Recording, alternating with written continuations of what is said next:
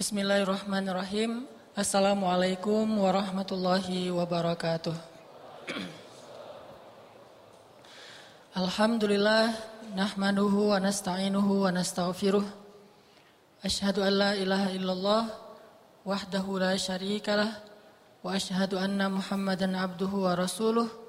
Radina billahi rabba wa bi Muhammadin nabiyya wa bil islami dina. Allahumma salli wa sallim wa barik ala sayyidina Muhammad wa ala alihi wa sahbihi ajma'in. Rabbi syrah li sadri wa yassir li amri wa hlul 'uqdatam min lisani yafqahu qawli. Teman-teman yang dirahmati Allah Subhanahu wa taala, alhamdulillah saya bersyukur secara pribadi merasa senang sekali bisa kembali uh, duduk di antara syababul Islam, pemuda-pemuda Islam dan mudah-mudahan semuanya adalah syababu al-jannah, pemuda surga. Dan insya Allah nanti di dalam surga atau di padang mahsyar akan digolongkan di dalam barisan atau di bawah bendera Ali bin Abi Thalib, Yahya alaihi salam, Isa alaihi salam dan para anak-anak muda lainnya yang diridhoi Allah Subhanahu wa taala. Malam ini kita ngebahas tema tentang break atau istirahat. Tema ini saya ambil terinspirasi dari sebuah hadis Nabi Shallallahu Alaihi Wasallam ketika Nabi bersama para sahabat menggali parit khandak. Ini terjadi dalam perang khandak atau perang Ahzab. Kalau teman-teman baca siroh. Jadi waktu itu kaum muslimin dapat berita dari mata-mata bahwa orang-orang kafir Quraisy sedang mengumpulkan koalisi dari berbagai macam kabilah untuk menyerang kota Madinah. Dan menurut bocoran dari mata-mata, jumlah mereka itu puluhan ribu. Dan dengan jumlah yang sekian banyak itu, kecil sekali kaum muslimin bisa memenangkan peperangan secara logika manusia. Dalam suasana yang begitu tegang, dan mereka hanya punya waktu kurang lebih satu minggu untuk bersiap-siap menghadapi musuh yang udah mulai berangkat, karena baru ketahuan itu ketika musuh sudah mulai berangkat. Dari luar itu ada orang Quraisy dengan koalisinya yang sangat besar. Dari dalam itu ada orang munafik dan dari sebelah atau tetangga itu ada orang-orang Yahudi yang semuanya bersatu untuk menyerang kaum muslimin di kota Madinah. Dan orang Quraisy waktu itu sedang on fire. Sedang dalam keadaan pede Kenapa? Baru aja beberapa waktu yang lalu mereka merasa menang dalam perang Uhud. Jadi lagi pede banget nih. Beda dengan perang Uhud, mereka lagi down karena habis kekalahan di perang Badar. Sedangkan perang Ahzab, mereka merasa lagi semangat, lagi pede, lagi yakin banget akan bisa mengalahkan kaum muslimin. Ditambah lagi sekarang jumlahnya berlipat kali lebih banyak daripada di perang Uhud. Kondisi ini berbeda sekali dengan kondisi kaum muslimin di Madinah. Yang mereka juga belum lupa dengan peristiwa perang Uhud. Kita nggak bilang kalah. Kalau versi orang kafir mereka menang, tapi versi kaum muslimin kita tidak kalah. Makanya dalam bahasa ulama perang Uhud itu tidak disebut kekalahan Uhud, tetapi disebut musibah perang Uhud. Disebut sebagai musibah dalam perang Uhud, tidak disebut kekalahan dalam perang Uhud. Karena kalau kita baca cerita panjangnya sebetulnya kaum muslimin menang, cuma menangnya agak kebobolan. dua satu gitu. Kalau perang Badar menang telak, kalau ini sempat kebobolan dulu terus menang lagi. Artinya kaum muslimin ketika mau terjadi perang Ahzab itu dalam keadaan belum lupa Mungkin tidak trauma karena seorang mukmin tidak sampai trauma, cuman belum lupa dengan apa yang pernah mereka alami di dalam perang Uhud. Apalagi ketika nanya, siapa yang memimpin pasukan itu? Khalid bin Walid. Waktu itu Khalid bin Walid belum masuk Islam dan untuk kedua kalinya dia akan menyerang kaum muslimin setelah kemarin keberhasilan dia di dalam perang Uhud. Sehingga kaum muslimin dalam keadaan uh, sedang masih duka cita dengan musibah perang Uhud, ditambah lagi belum lupa dengan cerita perang Uhud, apa yang terjadi di perang Uhud, bagaimana mereka luka-luka, belum bahkan lukanya juga belum sembuh total gitu. Apalagi yang luka-luka parah seperti Ummu Imarah atau Ummu Umarah dan beliau belum belum sembuh total dari lukanya. Termasuk juga beberapa orang sahabat yang kehilangan ayah atau saudaranya belum hilang rasa sedihnya, tapi sekarang dapat berita akan diserang dengan jumlah yang lebih besar. Ini kalau dalam bahasa Said Kutub dalam kitab Fidilal Quran disebut dengan perang mental sebetulnya. Bukan perang fisik yang lebih besar dalam perang Ahzab itu bukan perang fisik, justru yang paling besar itu perang mental. Dan Allah merekam di dalam surat Al-Ahzab dengan kalimat wa tadhunnuna billahi dan kalian berprasangka kepada Allah dengan prasangka-prasangka yang tidak benar.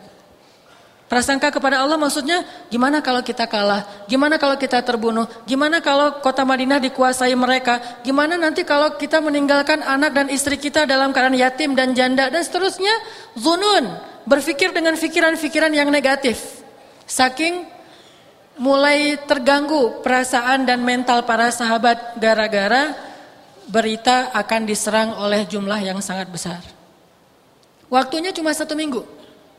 Akhirnya Rasulullah memanggil beberapa orang sahabat yang dikenal dengan istilah ahli syura, orang yang diajak bermusyawarah. Rasulullah bertanya kepada mereka, ini gimana nih menurut pendapat kalian? Sampai kita tahu adegan seorang sahabat yang namanya Salman Al-Farisi ya. Salman Al-Farisi kemudian angkat tangan mengatakan, ya Rasul, kami kalau di Persia berperang, kalau misalnya dikepung, maka kami akan menggali parit sebagai benteng. Lalu sahabat yang lain diam, tidak ada yang mengusulkan ide yang lebih baik dari itu. Kemudian Nabi mengatakan, kalau gitu kita akan lakukan apa yang dikatakan oleh Salman. Mulailah para sahabat mengatur bagaimana cara menggali parit. Karena nggak mungkin menggali parit sekeliling kota Madinah dalam waktu satu minggu. Kan kota Madinah gede. Setidaknya empat kali masjid Nabawi yang sekarang. Dan itu untuk menggali parit mengelilingi kota Madinah dalam waktu satu minggu mustahil. Ditambah lagi tanah di Madinah itu bukan seperti tanah di Bandung. Tanah di kita itu tanah kalau di sana mah batu dan uh, apa batu-batu kerikil sama bongkahan batu gunung. Sehingga kalau mereka menggali parit berarti mereka melubangi batu-batu sebetulnya. Dan jumlah kaum muslimin sedikit. Dan banyak dari mereka yang masih terluka gara-gara perang Uhud. Akhirnya mereka buatlah beberapa titik yang akan digali parit, sisanya tidak digali karena ada yang ketutup oleh bukit, ada juga yang mungkin akan dijaga oleh pasang badan oleh para sahabat. Mulailah proyek penggalian parit Khandak. Dan kita tahu peristiwa menggali parit Khandak itu peristiwa yang membuat orang-orang munafik uh, ketahuan jadi kelihatan gitu, mana mukmin, mana munafik justru pas menggali parit khandak. Kenapa? Orang munafik mau nggak mau capek.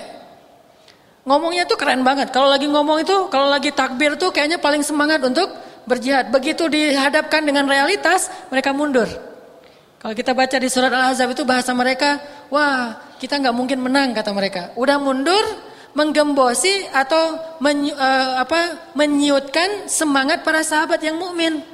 Wah kalian rugi aja, gali-gali parit kandang, nggak akan berhasil, nggak akan dapat sesuai dengan target kalian, apalagi cuma punya waktu seminggu. Dan seterusnya dan seterusnya. Makin down mental para sahabat.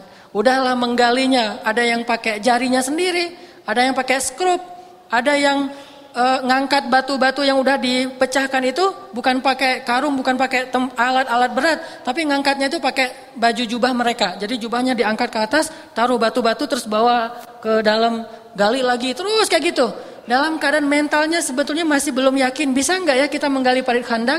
Belum lagi ancaman musuh yang sebentar lagi mau datang, belum lagi diciutkan semangatnya oleh orang-orang munafik.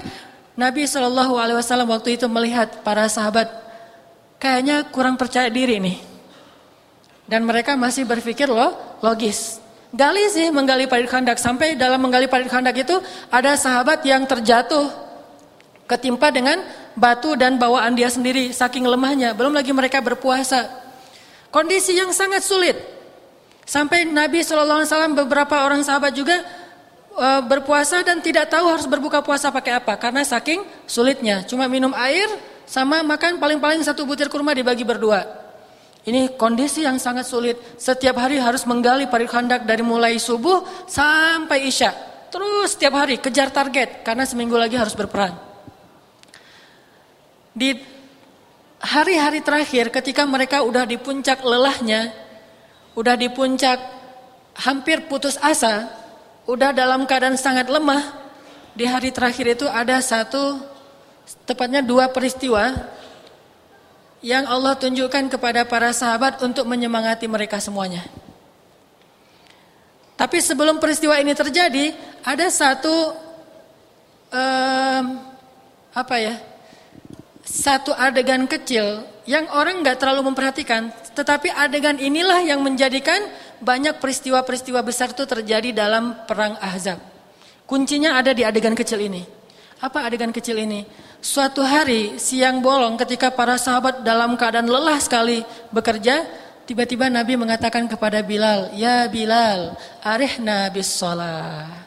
Wahai Bilal, istirahatkanlah kami dengan salat. Maksud Nabi istirahat di dalam hadis ini bukan cuma istirahat fisik, tetapi juga istirahat mental, istirahat perasaan, istirahat pikiran. Istirahatkanlah kami ya Bilal dengan sholat yang kita menyebutnya dengan break. Yuk kita ngebreak dulu yuk gitu. Mungkin kalau bagi kita istirahat kita dari suatu urusan yang berat itu ngebreaknya ngapain? Ngopi ya.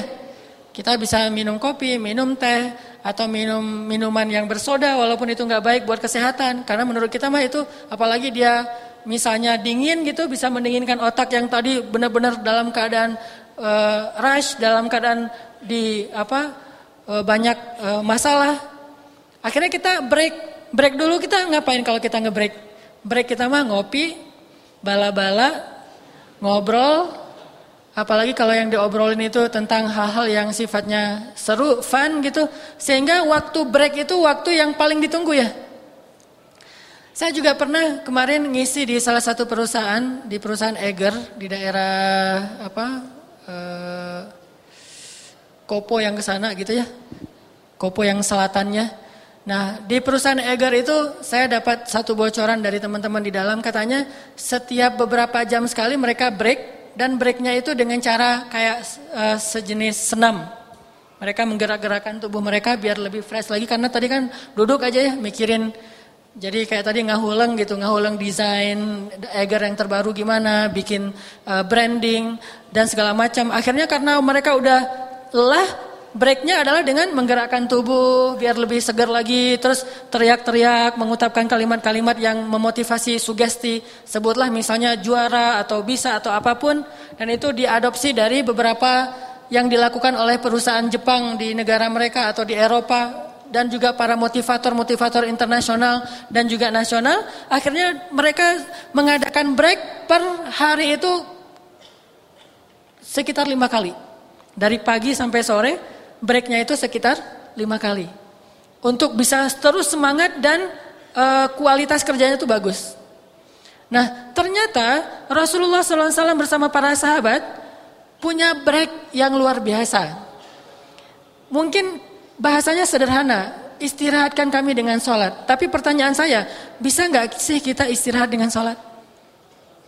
Kalimatnya sederhana kan? Istirahatkanlah kami dengan sholat. Tapi jujurnya, apakah kita ngerasain sholat itu sebagai istirahat? Sehingga semangat kita untuk sholat lima waktu itu seperti semangat orang break ketika dia kerja dalam keadaan susah. Ketika dia kerja dengan stres, ketika dia kerja dengan uh, apa tekanan, Apakah dia akan merasakan sholat itu nyamannya, semangatnya untuk sholat seperti semangatnya untuk break? Kalau ibarat anak SD mah atau anak sekolah, begitu suara bel semuanya bahagia ya. Saya belum pernah mendengar ada cerita anak ketika bel, aduh bel eh. Kenapa emang bel? Saya nggak suka istirahat, sukanya belajar. Jarang kan ya? Teman-teman pernah nggak kayak gitu? Pas, pas bel terus bete gitu? Pernah? Ah kalau saya mah jujur mah nggak pernah. Justru saya kalau bel tuh bahagia banget. Apalagi bel pulang. Kan ada kode tuh. Bel istirahat, bel istirahat sama bel bel pulang. Kalau bel pulang, wah itu mah guru lupa udah. Biasanya kalau pulang itu salam dulu sama guru, cium tangan dan segala macam. Udah ada hilang satu-satu. Gurunya, eh, eh, eh, kenapa? Bahagia. Padahal pulang ke rumah gitu-gitu aja nggak ada yang sesuatu yang yang apa luar biasa. Rutinitas lagi, rutinitas lagi. Paling nanti disuruh ngaji atau disuruh uh, beresin ternak-ternak ayam atau bebek di belakang rumah atau apa. Tapi tetap aja itu dianggap sesuatu yang lebih free daripada di dalam kelas. Sehingga begitu terdengar suara bel, bahagia semuanya. Apakah kita punya kebahagiaan yang sama begitu mendengar hayya ala sholah? Ini pelajaran yang kita pengen bahas malam ini. Gimana caranya kita mendengar azan dan datang ke masjid setiap waktu itu semangatnya kayak orang break ketika dia bekerja. Apalagi kalau kita tahu pas break itu ada yang mau traktirin kita makan. Kan lebih enak tuh. Eh nanti pas break uh, kita makan di luar ya, saya yang traktirin, saya hari ini ulang tahun. Kan itu seru tuh. Pasti kita nyogokin orang yang tekan bel. Kamu tekan bel jangan lama-lama teing. Udah aja jam 9 bel deh gitu. Padahal harusnya belnya jam jam 10. Kenapa? Pengen cepat break. Atau gurunya kadang-kadang telat datang ke sekolah tapi muridnya udah bubar. Kenapa? Guru sakit. Ada isu gitu ya. Kan di sekolah kita mah suka ada isu. Sampai kadang-kadang isunya itu dibuat-buat. Saya di sekolah mah Bahkan kita kadang-kadang melakukan istighosah mendoakan supaya guru sakit. Apalagi kalau besok pelajaran kimia, fisika, wah itu malamnya kita tahajud. Ya Allah, mudah-mudahan dia sakit. Pas besok paginya berita, uh, misalnya Pak siapa Pak Rudi tuh, Pak Rudi nggak bisa datang hari ini. Kenapa sakit ya? Enggak, lagi ada rapat misalnya atau lagi ada apa gitu. Wah itu merdeka itu udah. Atau yang buat kita merdeka juga pelajaran olahraga. Tapi paling ilfil ya pelajaran olahraga yang kita ekspektasinya bakalan di lapangan tiba-tiba katanya hari ini teori wah itu mah ilfil banget ya. Tapi kalau benar-benar lapangan ah itu seru tuh mau main apa pun terserah yang penting keluar kelas. Saking semangatnya untuk break free gitu. Apakah kita punya soul feel yang sama dengan itu ketika kita mau melaksanakan sholat?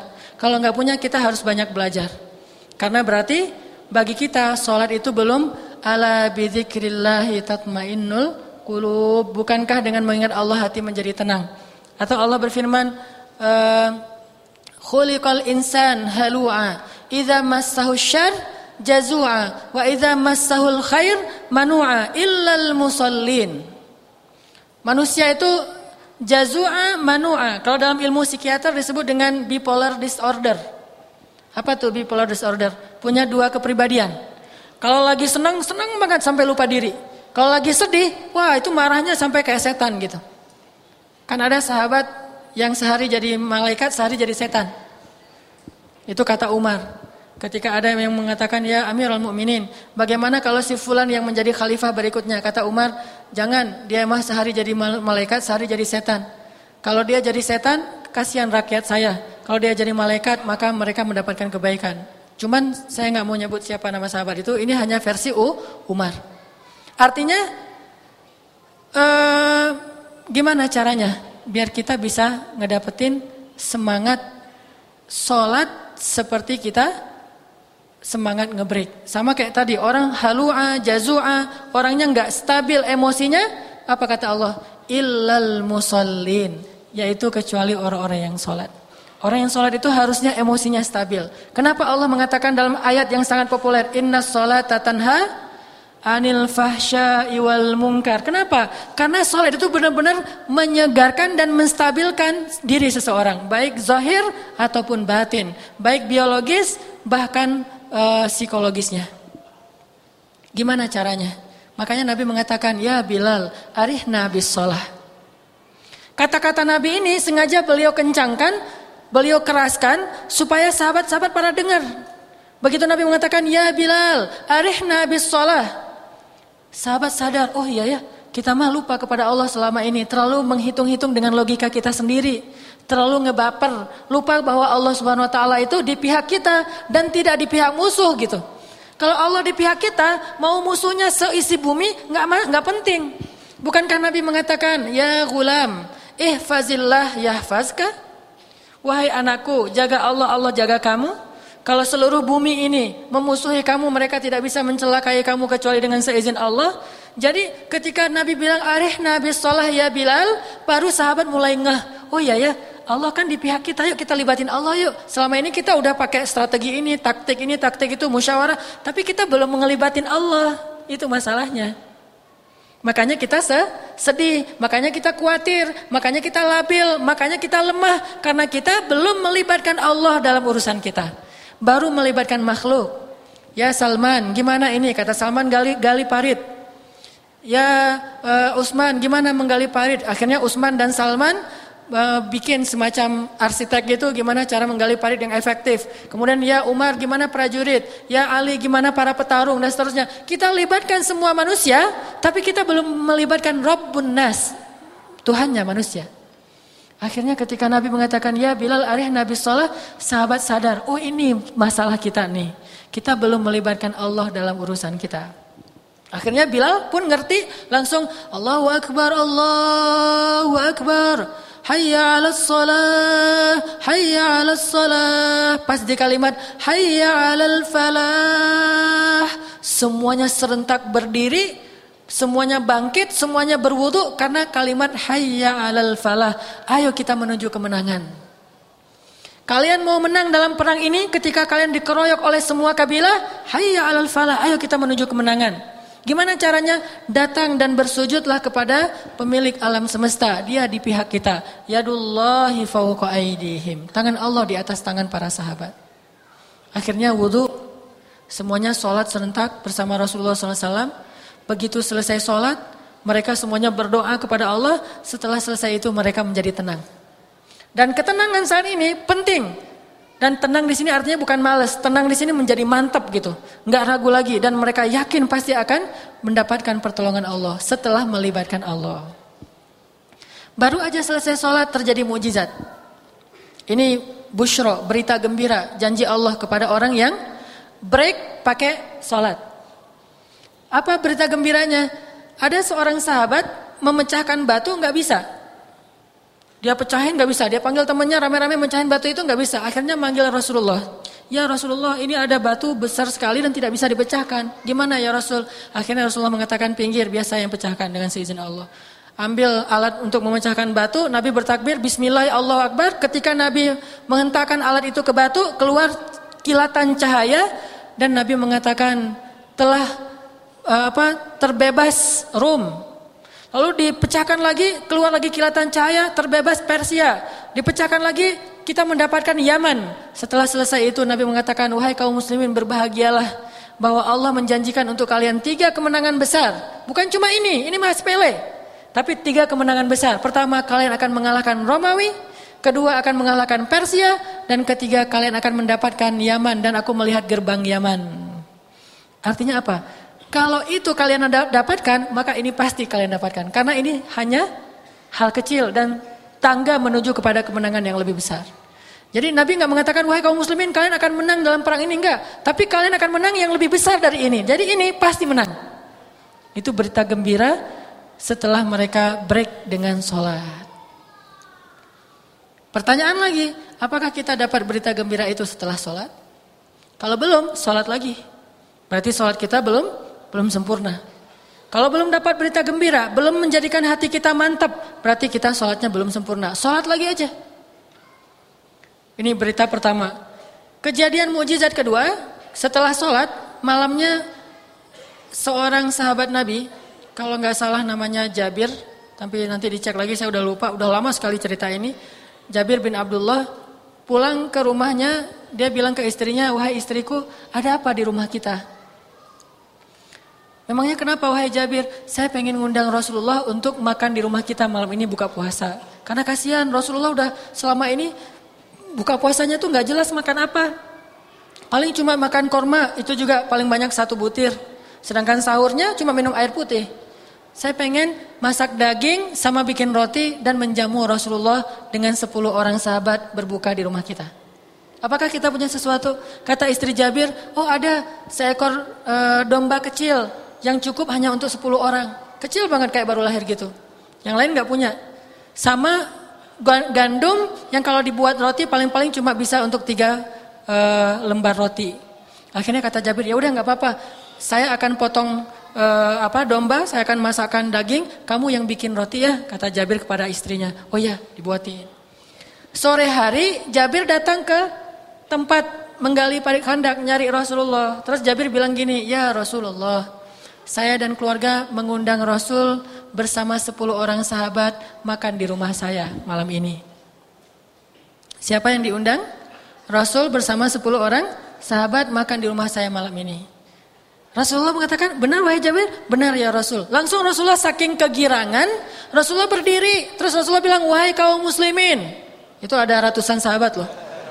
Wahai kaum muslimin, Jabir. Ngundang kita makan malam di rumahnya. Wah langsung Jabir stres.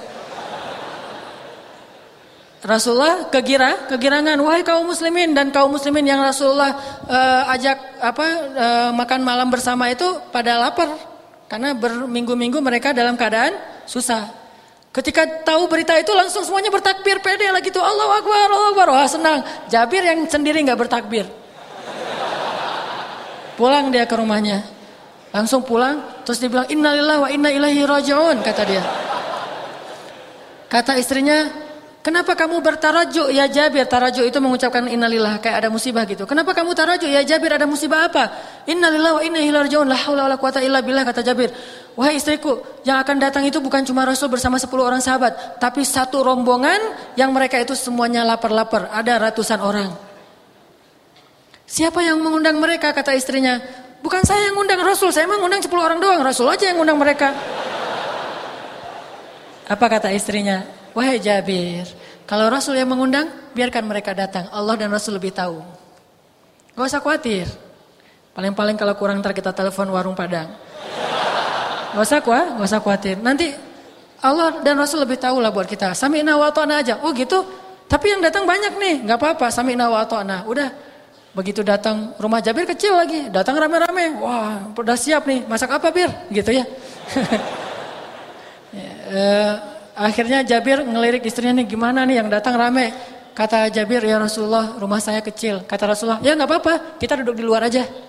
Wah Rasulullah semuanya disuruh duduk di di luar sampai penuh kayak halaman kayak masjid ini jadi rame nih. Bayangin kita belum makan berhari-hari terus tiba-tiba ada yang bilang yuk makan malam di rumah saya kan senang banget tuh ya. Itu benar-benar break gitu mah.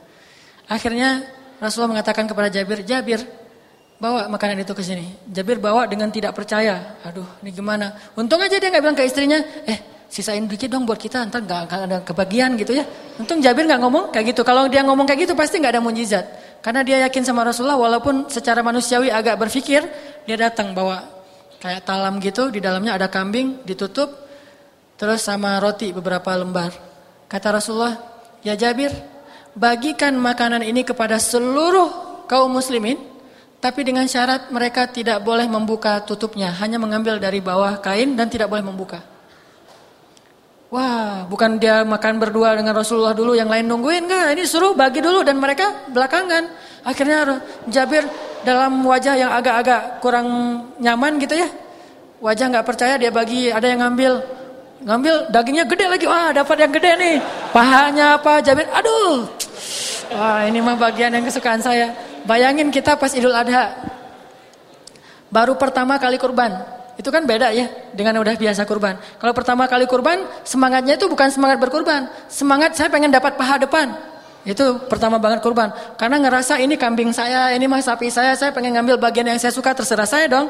Begitu dicincang-cincang kecil-kecil sama petugas gitu, kita ngelihat yang tadi bagian dagingnya ke mana yang ini, bagian kakinya dibawa ke mana. Akhirnya kita, wah repot kan ya, pengen ngambil bagian yang kita suka. Begitu juga Jabir, dia bagi ke sahabat. Ada yang ngambil, ah dapat roti satu, dapat roti dua, dapat roti tiga. Jabir makin lama makin bingung nih kenapa nggak habis-habis nih. Yang ngambil udah mulai puluhan, akhirnya ratusan. Setelah semuanya ngambil dan makan, mereka pulang. Tempatnya tuh masih menggunduk gitu, masih kayak penuh. Kemudian ketika semuanya udah pulang, tinggallah Rasulullah, Jabir dan istrinya. Rasulullah mengatakan, sekarang tinggal kita. Wahai Jabir, bukalah. Pas dibuka oleh Jabir, Jabir dan istrinya langsung bertakbir karena ngelihat tidak ada satu potong daging pun yang berkurang. Ini berita gembira untuk mereka setelah sholat. Akhirnya Jabir makan bersama Rasulullah. Rasulullah mah makannya kan nggak banyak. Jabir makan. Udah gitu udah kenyang. Kata Rasulullah Jabir ambil lagi. Enggak ya Rasulullah udah kenyang. Ambil lagi. Diambil lagi sama dia. Udah kenyang. Ya, ya Jabir ambil lagi. Makan lagi. Kata Jabir ya Rasulullah udah terlalu kenyang. Ambil lagi. Makan, makan, makan. Kata Rasul. Wah Akhirnya Jabir minta ampun. Ya Rasulullah ampun ampun saya udah kenyang sekali. Ya Jabir, sesungguhnya kalau kamu merasa kekurangan makanan, maka jadikanlah makanan itu untuk dimakan bersama-sama. Jadi satukan gitu, jangan makan sendiri-sendiri kalau kita kekurangan makanan. Ini peristiwa kedua yang menjadi berita gembira, penyemangat buat sahabat bahwa mereka akan menang dalam perang Ahzab. Jadi itu membantah semua fitnahnya orang munafik, orang Yahudi sehingga kaum muslimin jadi pede gitu gara-gara peristiwa itu. Selalu kayak gitu. Kalau kita baca sejarah perang bersama Rasul, ketika sahabat down, Allah kasih banyak sekali kejadian-kejadian yang membangkitkan semangat mereka. Dan termasuk salah satu kejadiannya itu kayak ketika perang Badar turun hujan pada waktu subuh saat para sahabat banyak yang harus mandi janabah dan harus berwudu untuk sholat subuh. Nggak ada air, Allah turunkan hujan. Hujannya khusus untuk mereka aja. Hujan lokal banget gitu ya. Jadi hujannya itu cuma daerah situ doang. Yang daerah musuh nggak ada hujan. Ini mukjizat dan ini adalah penyemangat berita gembira bagi hamba-hamba Allah yang mau melibatkan Allah. Jadi kalau kita melibatkan Allah, Allah nggak akan mengecewakan kita. Masih ingat kisah siapa yang pernah pekan yang sebelumnya? Kisah siapa? Kisah Siti Hajar. Ya, ketika Siti Hajar ditinggal oleh Ibrahim di tengah eh, padang pasir, terus Siti Hajar bertanya apa? Ya Ibrahim, kenapa engkau tinggalkan kami di sini? Ibrahim menjawab, tidak, karena pertanyaannya salah. Tapi begitu pertanyaannya dirubah, ya Ibrahim, Allahu amaraka bihadza? Apakah Allah yang menyuruhmu melakukan ini? Kata Siti Hajar, baru Ibrahim mengangguk dan mengatakan, ya ini perintah Allah. Ketika Ibrahim mengatakan ini perintah Allah, apa kata-kata Siti Hajar? Idan la Allah. Kalau gitu Allah nggak akan mengecewakan kami. Perangkatlah wahai suamiku. Jadi kalau udah melibatkan Allah urusan mah jadi mudah. Kita sering memudahkan urusan kita kalau ngelibatin duit. Padahal duit itu tidak selalu bisa memudahkan urusan kita. Apakah kita bisa membeli kesembuhan ketika kita sakit? Banyak orang kaya yang tidak mampu membeli kesembuhan walaupun dia punya dunia dan seisinya. Bahkan mereka tidak mampu membeli kesembuhan dari penyakit yang sedikit saja. Tapi ada orang yang miskin yang hanya dengan minum air putih kemudian dia di rukyah membaca Al-Fatihah Allah beri kesembuhan. Artinya kita belajar yakin sama Allah untuk melibatkan Allah di dalam sholat. Jadi sholat itu cara kita melibatkan Allah dalam urusan kita. Kalau kayak gitu, insya Allah kita akan ngerasain sholat itu sesuatu yang break banget, solusi banget, uh, refresh Sholat itu benar-benar istirahat, sholat itu benar-benar menenangkan. Kenapa? Karena saya akan melibatkan pencipta alam semesta dalam urusan saya. Dah, azan? Insya Allah nanti kita lanjutkan kisah-kisah tentang bagaimana sahabat dan para tabiin bisa menjadikan sholat itu sebagai break atau rohah. Sehingga mudah-mudahan kita bisa meniru mereka dalam sholat-sholat kita. Insya Allah kita lanjutkan setelah sholat isya.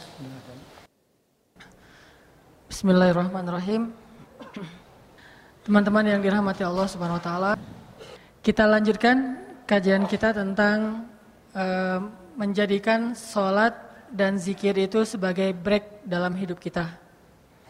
Gimana caranya kita ngerasain semangat pergi ke masjid atau semangat menyebut nama Allah, semangat melibatkan Allah itu kayak semangat kita ngebreak ketika kita dalam bekerja atau mungkin break uh, me time kalau untuk kita pribadi gitu ya, butuh me time.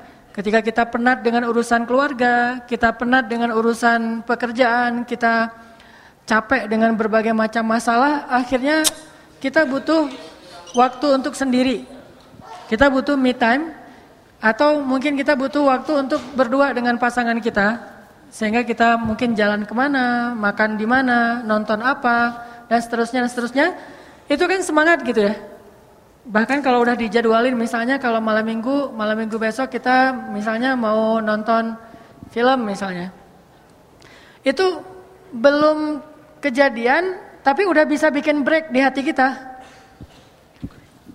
Udah bisa bikin lega gitu. Walaupun kita punya banyak beban tapi pas tahu eh, eh minggu besok kita mau jalan nih. Kan jadi nyaman ya. Sebesar apa pun masalah kita tetap aja semangat. Kenapa bisa gitu? Karena kita nganggap nonton itu break. Nonton itu refre eh, apa refreshing buat kita. Bisa benar-benar menyegarkan semangat kita. Atau kalau teman yang senang uh, musik misalnya. gimana semangatnya kita misalnya pas tahu datang uh, grup-grup musik idola kita. Sebutlah kalau anak-anak reggae misalnya datang uh, apa grup musik reggae yang dari Brazil gitu atau dari Jamaika datang ke Indonesia atau anak-anak rock atau no FX misalnya datang untuk anak-anak punk rock misalnya ya atau duet sama apa manggung bareng dengan Rosemary. Wah kan itu kan wah kapan kapan kapanan gitu ya. Terus beli tiket, udah gitu kita lihat tiketnya setiap hari dilihat lagi tiketnya. Padahal tanggalnya udah dihafal tapi masih ada jadi lihat-lihat terus. Kenapa? Karena kita ngerasa itu sesuatu yang benar-benar bisa nyelesain atau bisa menenangkan kita.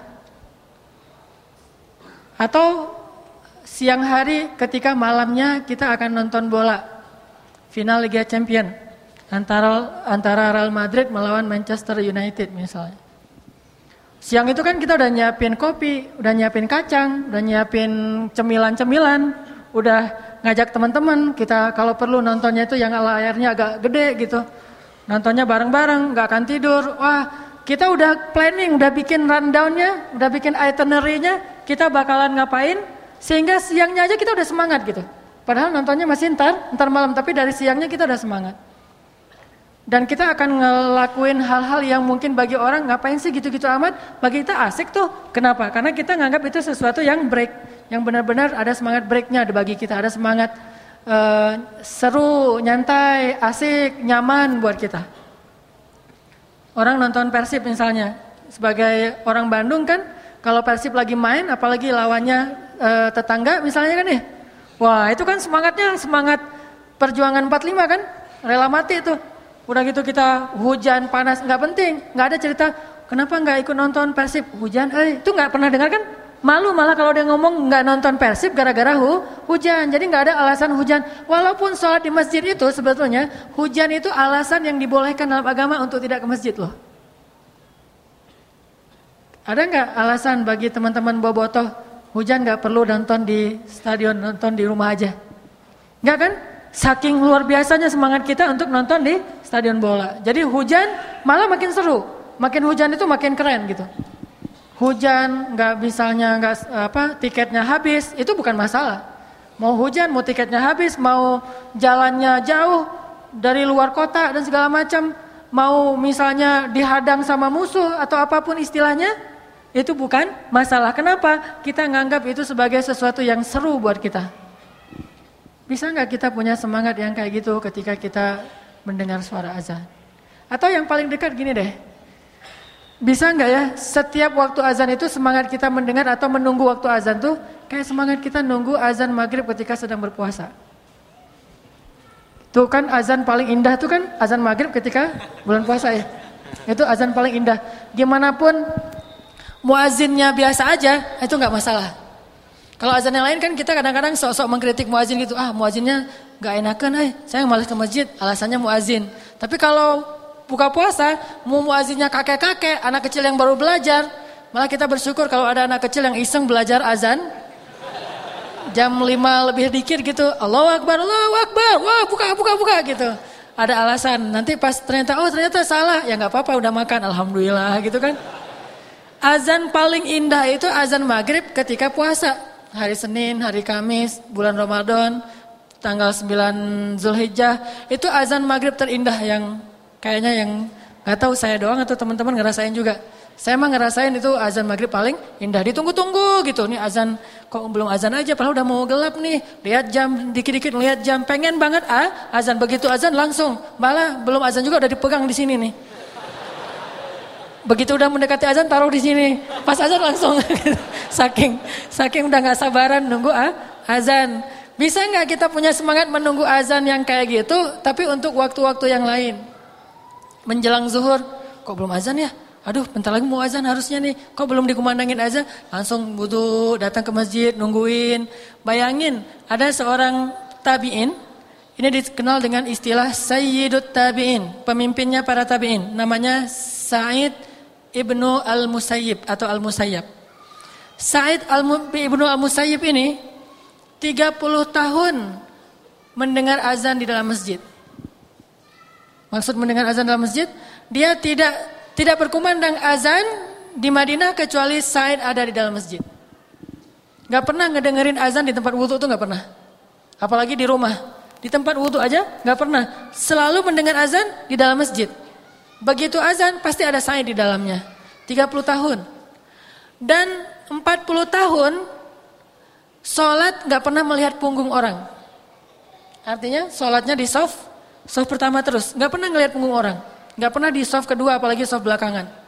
50 tahun sholat berjamaah di masjid dari takbiratul ihram bersama imam.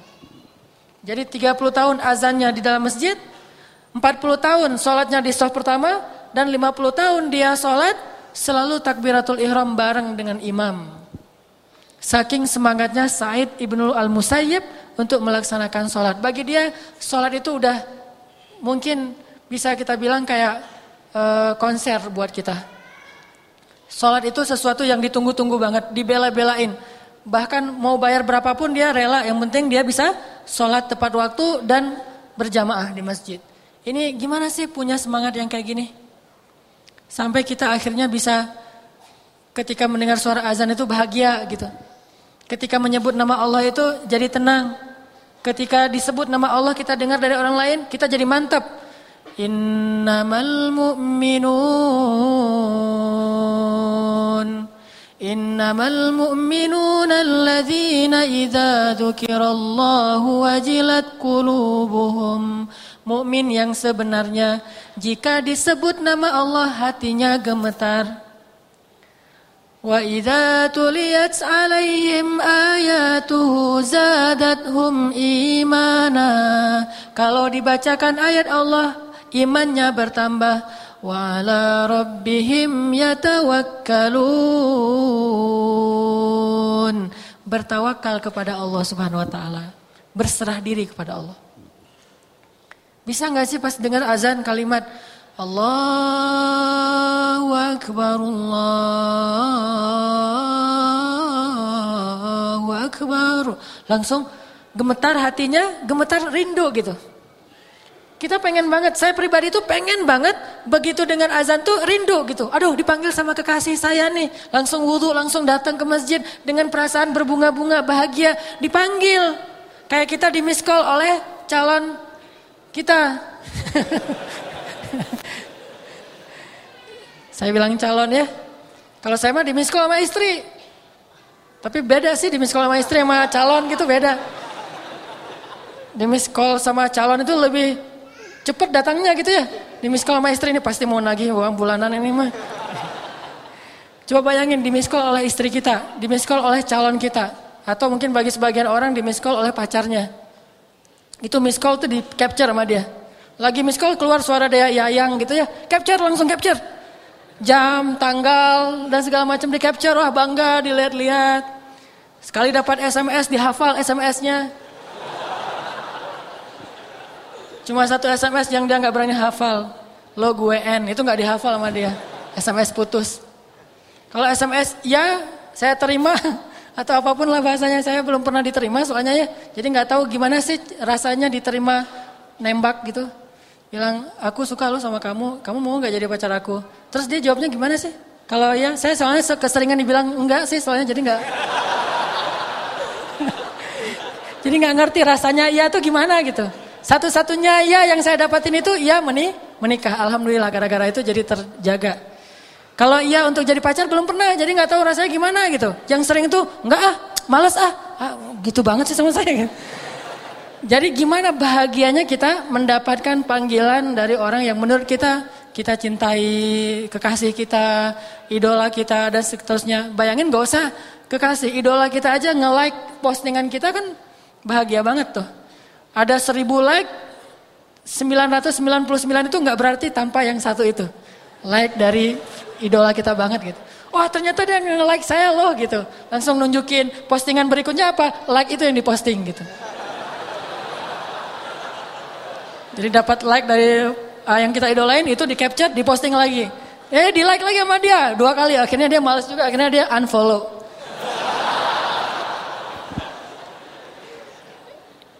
Gimana uh, apa caranya biar kita bisa punya semangat kayak gitu ketika mendengar suara azan? Pertama, kita harus belajar butuh sama Allah.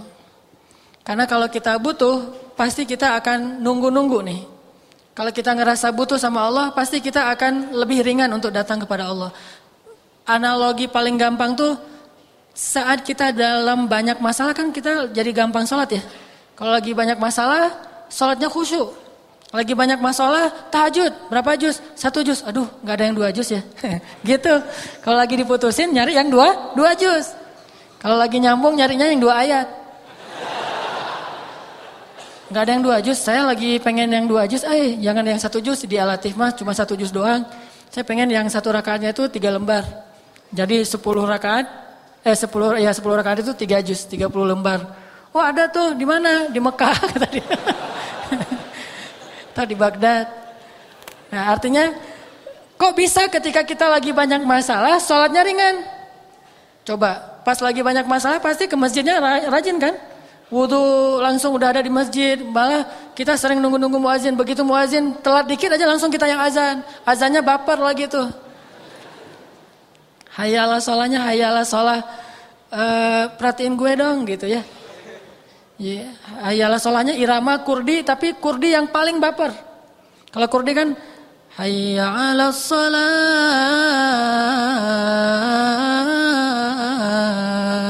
Ini lebih baper dari itu. Sampai ada serak-serak basahnya. Udah gitu saking bapernya panjang, keputus lagi napasnya, ek di akhirnya gitu. Ini semangat ke masjid. Kok bisa? Karena kita ngerasa butuh sama Allah. Ya Allah, lembutkanlah hati bapaknya supaya bapaknya itu butuh kan? Jadi semangat. Lagi banyak hutang, Ya Allah mudahkanlah saya dalam membayar hutang. Kalau perlu tolong lembutkan hati orang itu supaya melunaskan hutang saya. Gitu. Ini kan gara-gara kita bu, butuh. Cuman kenapa kita selalu ngerasa butuhnya pas lagi ada masalah? Bukankah hidup kita itu sebetulnya dalam banyak masalah? Dan masalah itu sebagian besarnya kita belum sadari karena belum terjadi mungkin kita selalu butuh Allah Subhanahu wa taala dan kadang Allah bahkan bukan kadang sering Allah itu menolong kita, menyelamatkan kita dari banyak masalah tanpa kita sadari sehingga kita pikir nggak ada masalah. Padahal masalah itu datang kepada kita Allah uh, apa Allah bentengi kita dengan sholat-sholat kita yang sebelum yang sebelumnya. Sehingga pas masalah datang Akhirnya dia mental lagi, datang lagi masalah, hilang lagi, datang lagi. Itu sering, lebih sering daripada masalah yang udah datang kepada kita, kemudian Allah angkat setelah kita ngerasain. Malah lebih sering kita belum sempat merasakan masalah, udah Allah angkat masalahnya. Cuman kita nggak sadar. Makanya Allah mengatakan, Yas'aluhu man fis samawati wal ard huwa fi.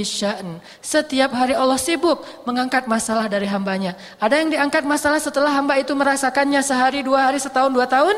Ada yang diangkat masalah itu sebelum hamba itu merasakan masalah ini. Jadi Sering justru Allah itu sebetulnya menghindarkan kita dari masalah, menghindarkan kita dari kecelakaan, menghindarkan kita dari musibah, menghindarkan kita dari kerugian, menghindarkan kita dari uh, sakit, penyakit. Sering menghindarkan kita dari banyak hal. Cuman Allah nggak pernah ngomong gini, hei hambaku, ini udah ya satu masalah aku hindarin nih. Kamu bersyukur nggak sih? Ya bersyukur Allah, alhamdulillah gitu. Terus ini hambaku, kalau Allah mau ngomong kayak gitu, kayaknya kita nggak sempat ngapa-ngapain. Kenapa? Sehari mungkin seribu kali Allah akan ngomong kayak gitu kepada kita. Dihindarkan, dihindarkan. Baik masalah yang menimpa kita secara personal ataupun masalah yang menimpa kita secara kolosal. Baca deh sains tentang astronomi.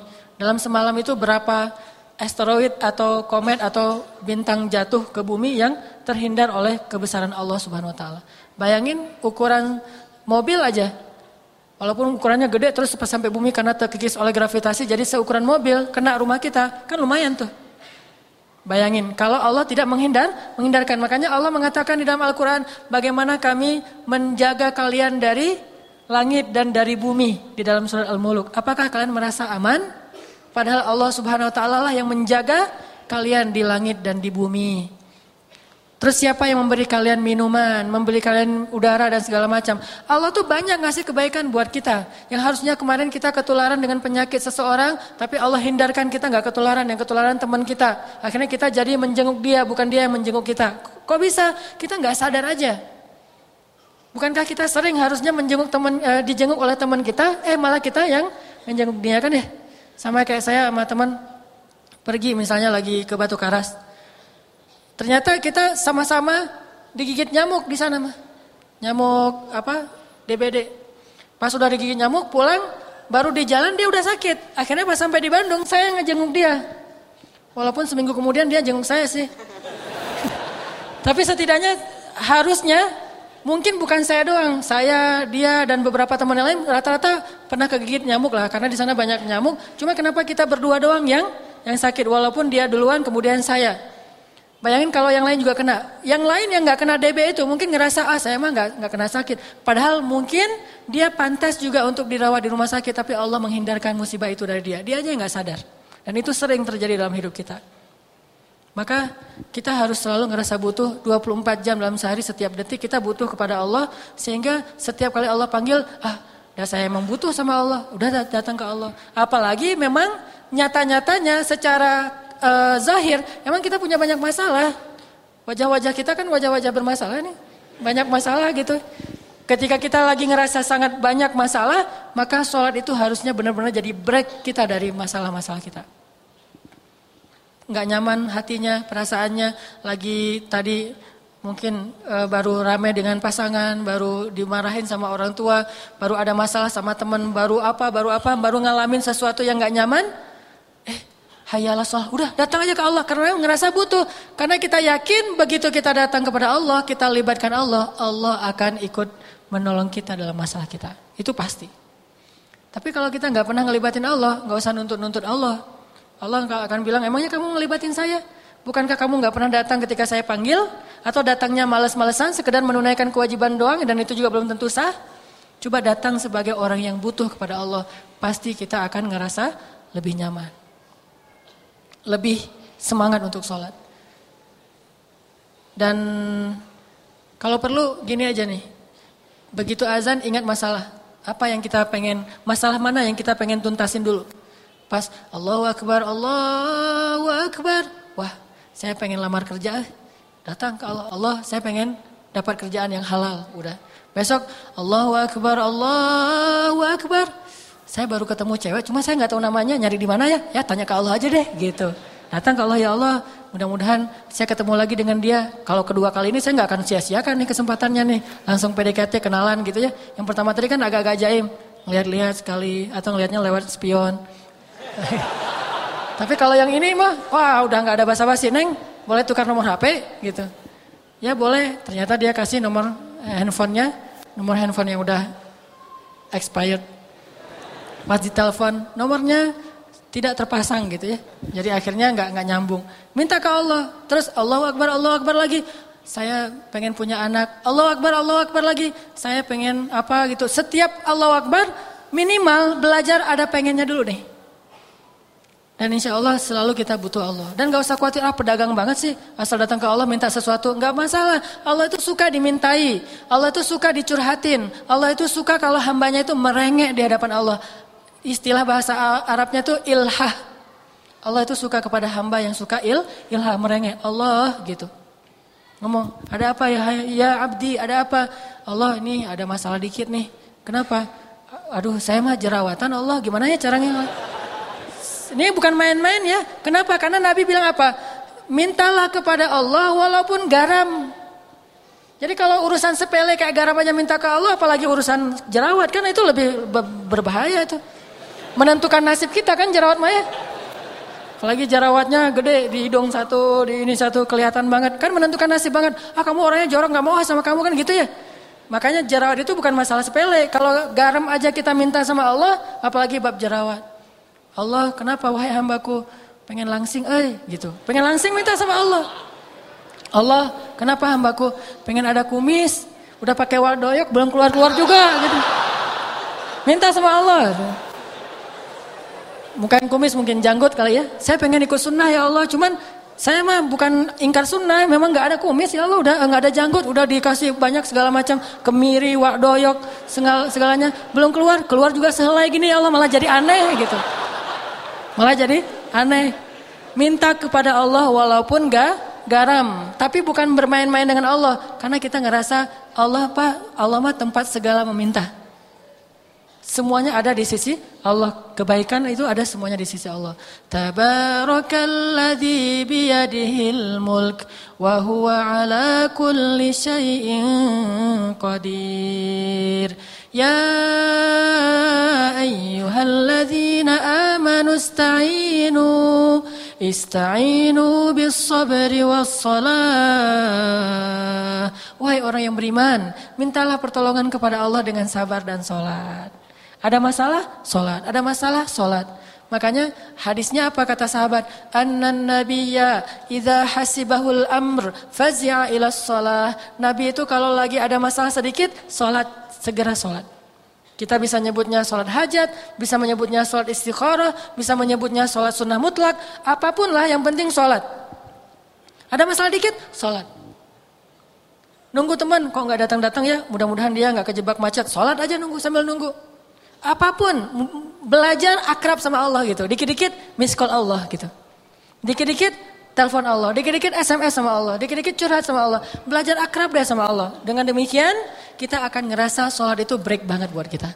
Tapi kalau kita nggak akrab sama Allah, nggak break. Kayak kita mau ketemu seseorang yang kita nggak terlalu kenal dan canggung juga, dan kita juga agak-agak apa, nggak terlalu nyaman dengan dia karena banyak hal tentang dia yang kita belum tahu.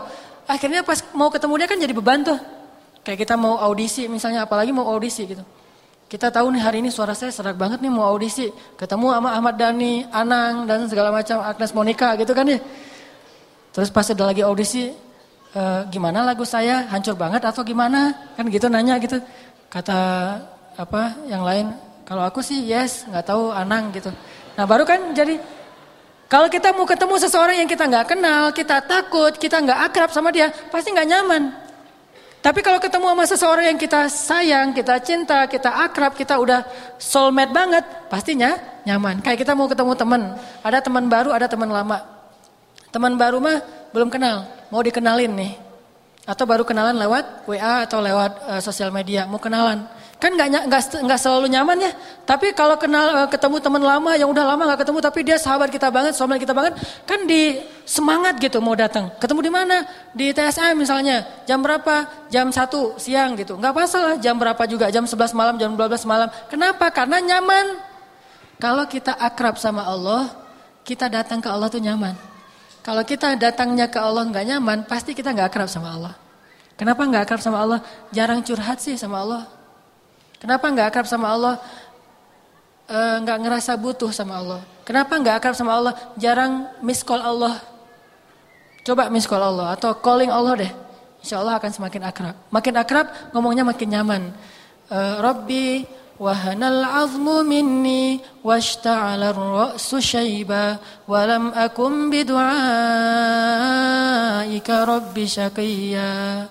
ربي إني خفت الموالي من ورائي ربي وكانت امرأتي عاقرا ربي فهب لي من لدنك وليا ربي واجعله ربي رضيا kita Rabbi, Rabbi, Rabbi aja terus teman kalau berdoa itu manggil Allah itu apa?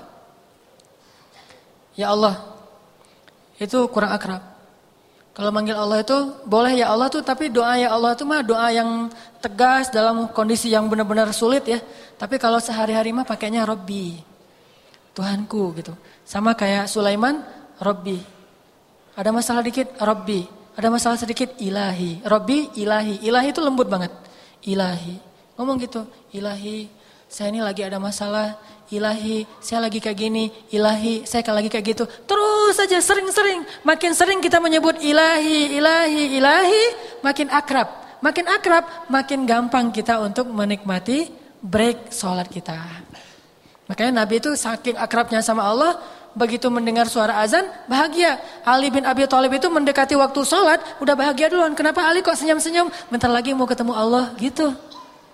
Kenapa senyum-senyum? Bentar lagi mau sholat. Kenapa senyum-senyum? Bentar lagi mau azan. Bahagia. Bukan begitu azan. Lah kok azan sih jam segini juga? Bukan. Kenapa? Karena dia akrab sama Allah. Jadi ngerasa butuh, ngerasa akrab. Itu ngebantu banget. Kemudian tips yang kedua. Agar kita bisa nganggap salat itu sebagai break dalam hidup kita. Belajar menikmati sholat. Tentunya kita nggak bisa menikmati sholat kalau kita nggak tahu makna dari setiap bacaan sholat kita. Teman-teman uh, tahu arti dari setiap bacaan sholat? Mungkin sebagian tahu, sebagiannya nggak ngeh. Makanya coba baca dulu deh. Ketika ada waktu senggang, baca arti bacaan sholat. Apa arti uh, inni wajjahtu wajhiya lillazi fataras samawati wal ard. Apalagi inna salati wa nusuki wa mahyaya wa mamati lillahi rabbil alamin. Iyyaka na'budu wa iyyaka nasta'in. Subhana rabbiyal azimi wa bihamdi. Rabbana lakal hamdu hamdan katsiran tayyiban mubarakan fi. Apalagi kalau kita tahu bukan cuma artinya, tapi keutamaan dari setiap zikir itu. Itu akan menikmati banget. Kita tahu keutamaannya sama kayak kita menikmati sebuah lagu yang kita banget. Lagu yang kita banget atau film yang kayak ngisahin masa lalu kita. Pernah nonton yang tenggelamnya kapal Van der Wijk? Saya nonton itu kayak nonton diri sendiri misalnya gitu ya. Kenapa? Ah itu mah saya banget. Akhirnya sekarang saya survive jadi uh, sastrawan. De, sejak saya jadi sastrawan saya banyak karya-karya. Akhirnya dia jadi datang lagi ke saya pengen balik lagi. Cuman sudah tertutup pintu hati saya buat dia misalnya.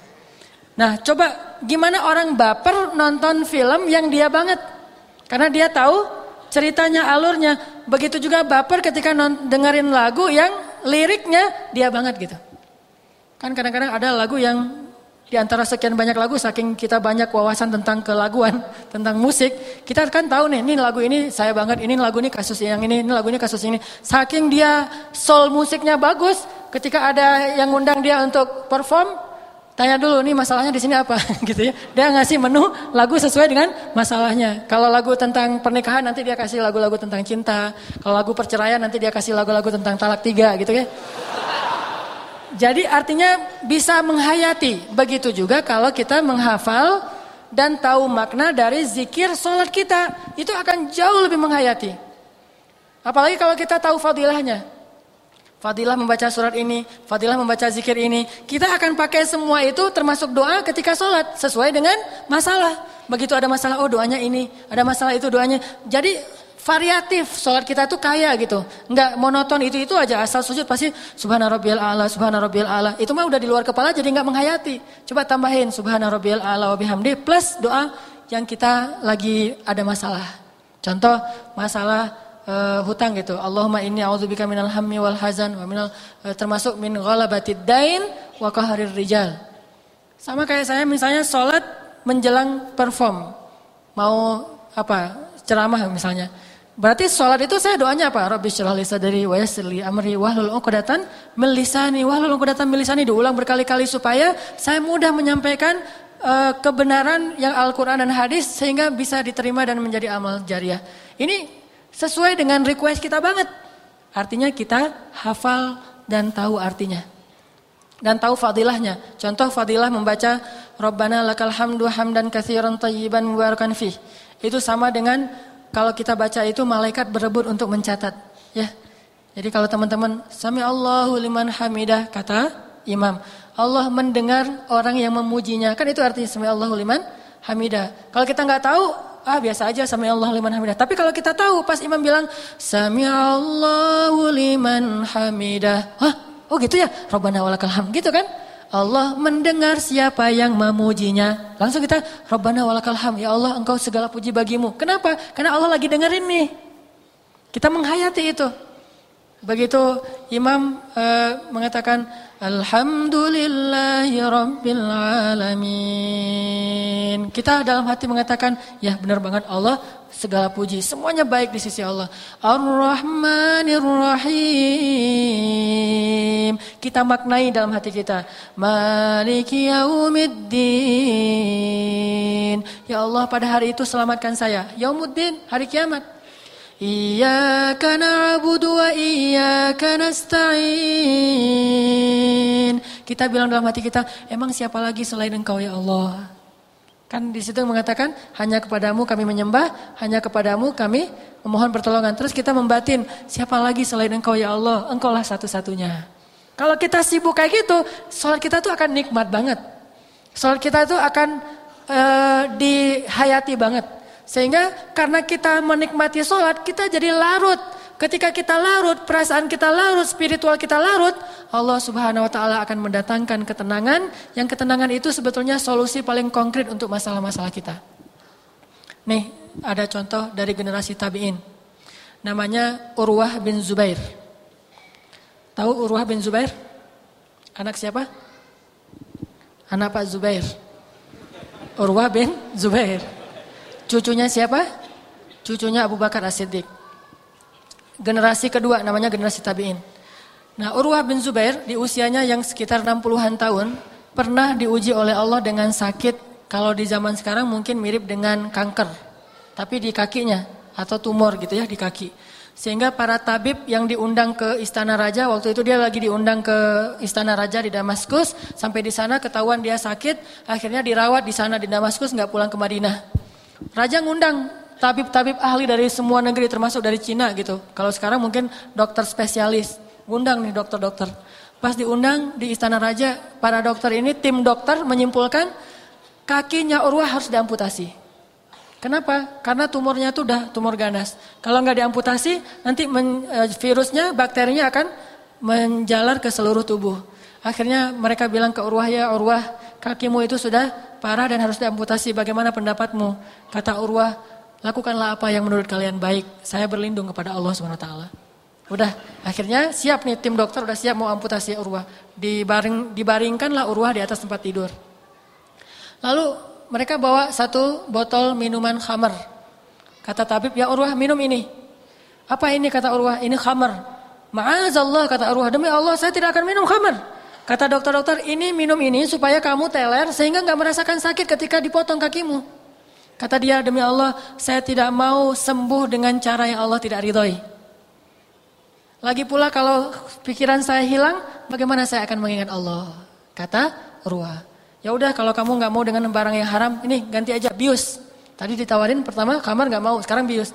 Kami kasih kamu bius, dia kayak apa e, diusap di wajahnya, di hidungnya, kemudian dia nanti pingsan. Ini apa ini bius?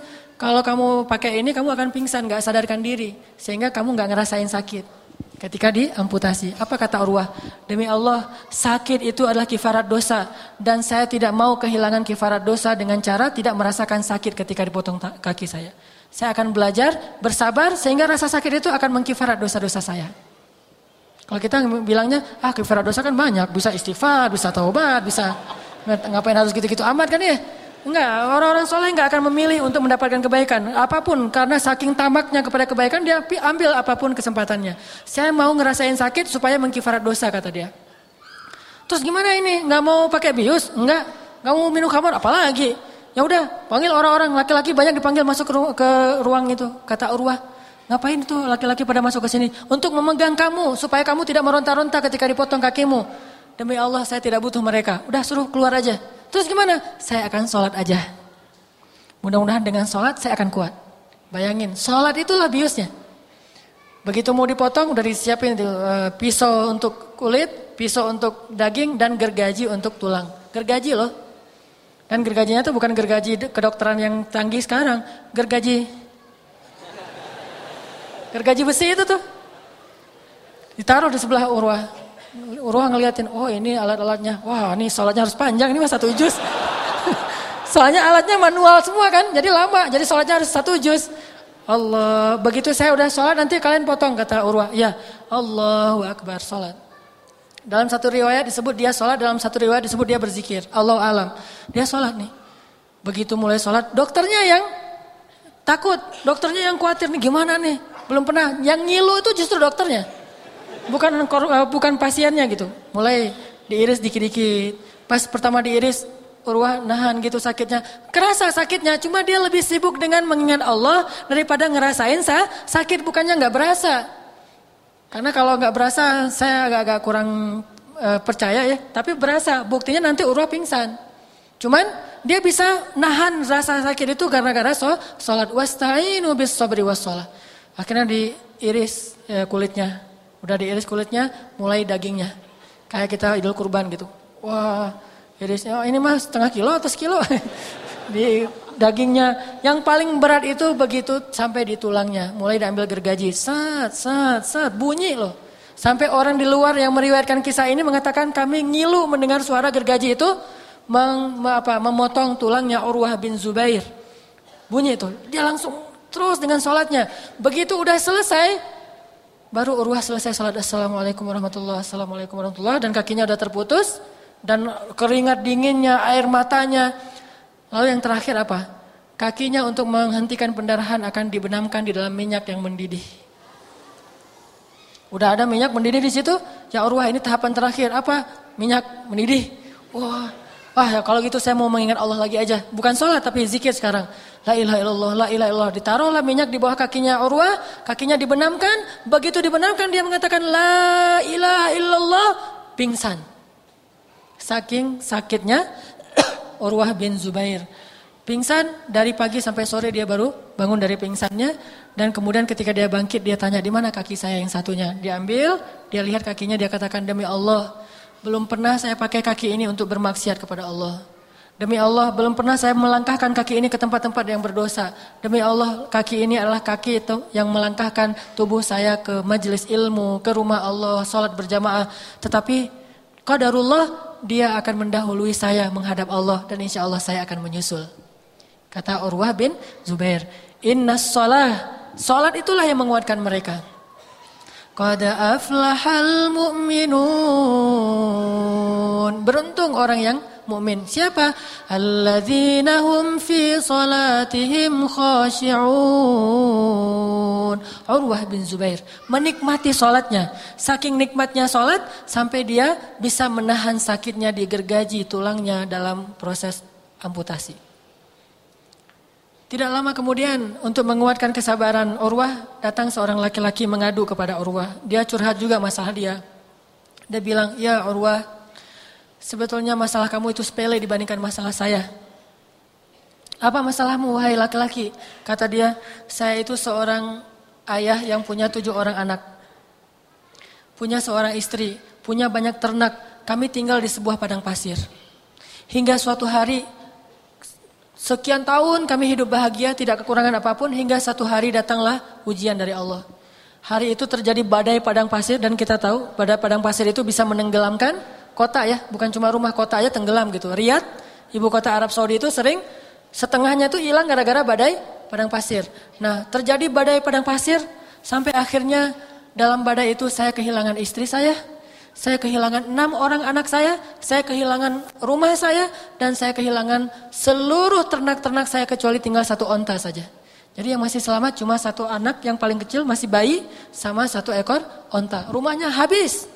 Istrinya hilang nggak tahu di mana, anak-anaknya juga hilang. Dia cari-cari nggak tahu udah tertimbun dengan pasir dan meninggal dunia dalam satu hari. Kehilangan enam orang anak dan satu orang istrinya. Pas sudah sore akhirnya saya bawa bayi saya saya naik di atas onta, saya pergi dari negeri itu karena saya uh, tidak sanggup lagi tinggal di sana. Pergi, sore harinya dia pergi.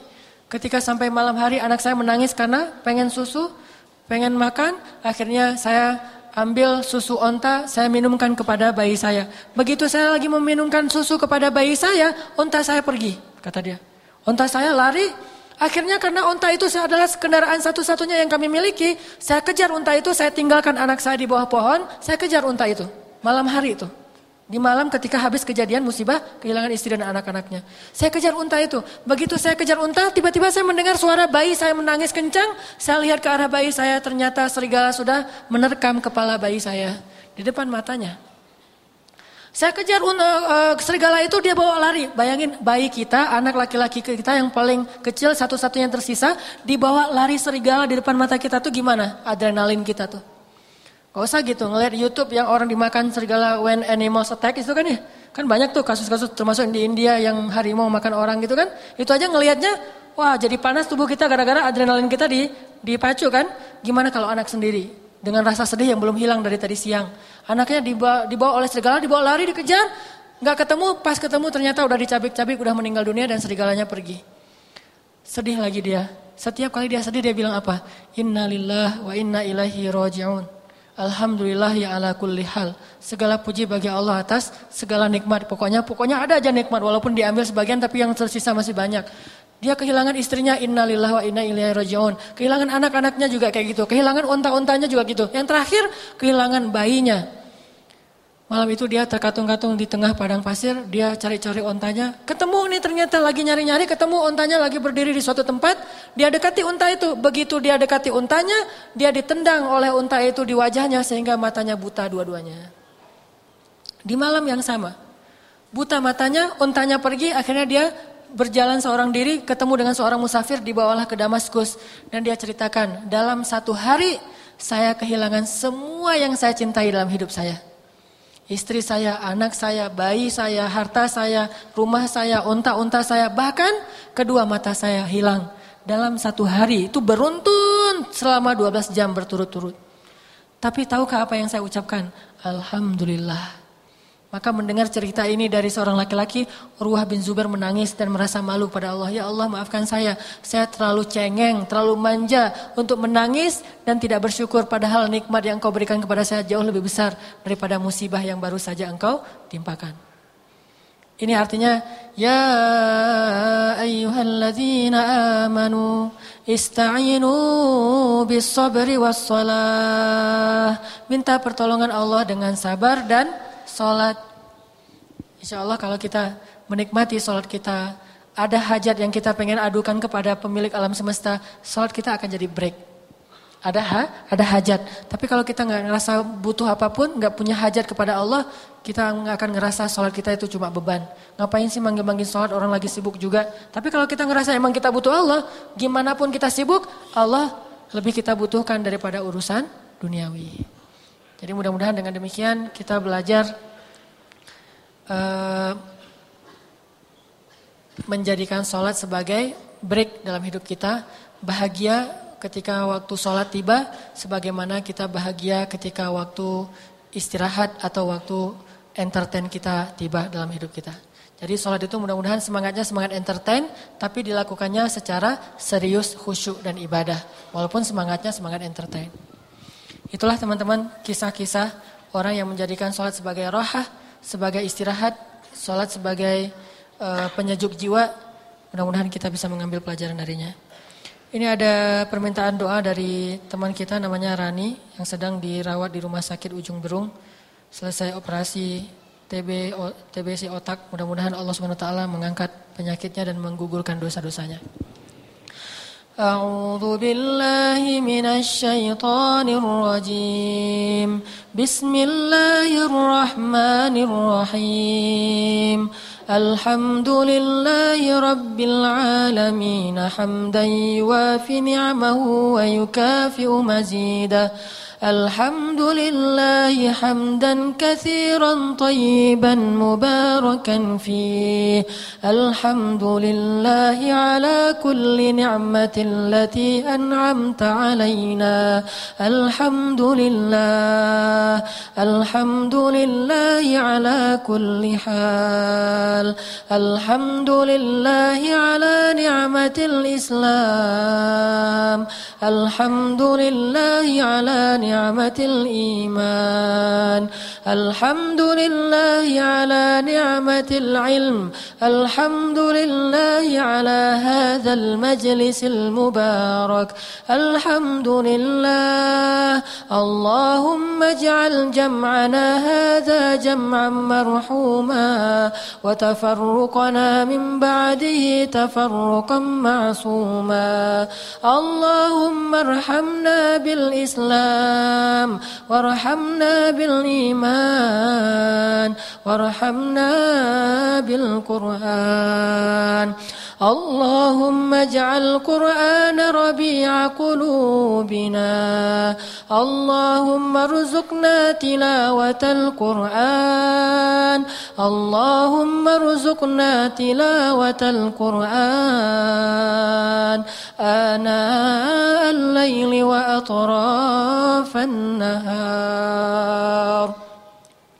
اللهم اجعل القرآن ربيع قلوبنا. اللهم اجعل القرآن زيادة لنا في إيماننا. اللهم زد لنا إيمانا بالقرآن. اللهم اجعل اللهم ارزقنا اللهم ارزقنا علما نافعا.